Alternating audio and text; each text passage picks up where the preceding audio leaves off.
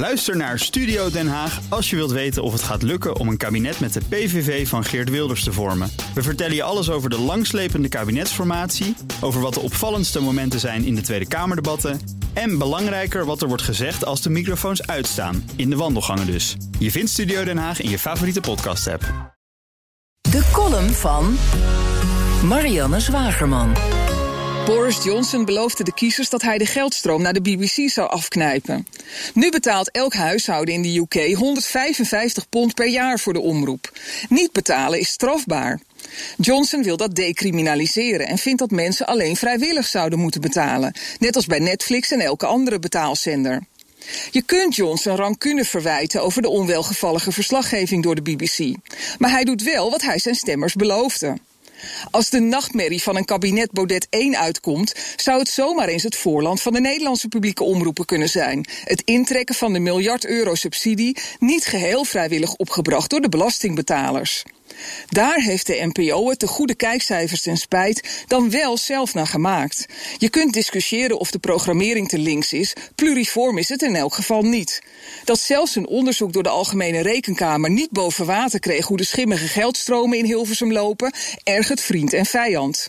Het helpt niet dat de NPO-voorzitter Shula Rijksman na het door de balken en de norm afgedwongen einde van de wereld draait door met een boos hoofd zei dat ze het gezeur over de verboden topsalarissen heel vervelend vindt en op zijn zachtst gezegd niet leuk om iedere keer de pispaal te moeten zijn. Tja, ook pispalen moeten zich aan de wet houden, zelfs als ze de koning van het Mediapark zijn. De echte pispalen van de mediawereld zijn niet de paar publieke multimiljonairs, maar de vele freelance die zich elke dag voor veel te weinig geld laten misbruiken, zowel door commerciële als publieke opdrachtgevers. Ondertussen presenteert Baudet, ook riant betaald door de belastingbetalers, op YouTube zijn FVD-journaal in plaats van zijn kamerwerk te doen. Ik hoop dat de andere Kamerleden snel de mediabegroting narcisme-proof maken en omvormen tot een model waarin het belastinggeld transparant en onafhankelijk beschikbaar komt voor de mediamakers. Zodat bijvoorbeeld Jaap Jansen zijn populaire en informatieve podcast Betrouwbare Bronnen kan maken, zonder de suggestie dat hij dat als trekpopje van de EU zou doen, omdat hij wat geld uit Brussel ontvangt. Je gunt geen stijl die deze onthulling deed, die geen onthulling was, omdat Jaap het zelf meldt in zijn podcast, ook wat budget om EU-kritische producties te maken. En van mij mag een flink deel van de huidige NPO-programma's voortbestaan, maar zonder het corrumperende en geldverslindende organisatiemodel waarin ze gemaakt worden. Columnist Marianne Zwagerman.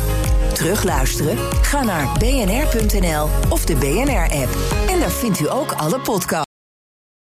Ook Liesbeth Staats vind je in de BNR-app. Ja, heel handig. Luister live naar Kees en mij tijdens de Daily Move. Dan blijf je ook gelijk op de hoogte van breaking news en het laatste zakelijke nieuws. En daar vind je ook alle BNR-podcasts, waaronder de Perestrooikast. Download nu de gratis BNR-app en blijf scherp.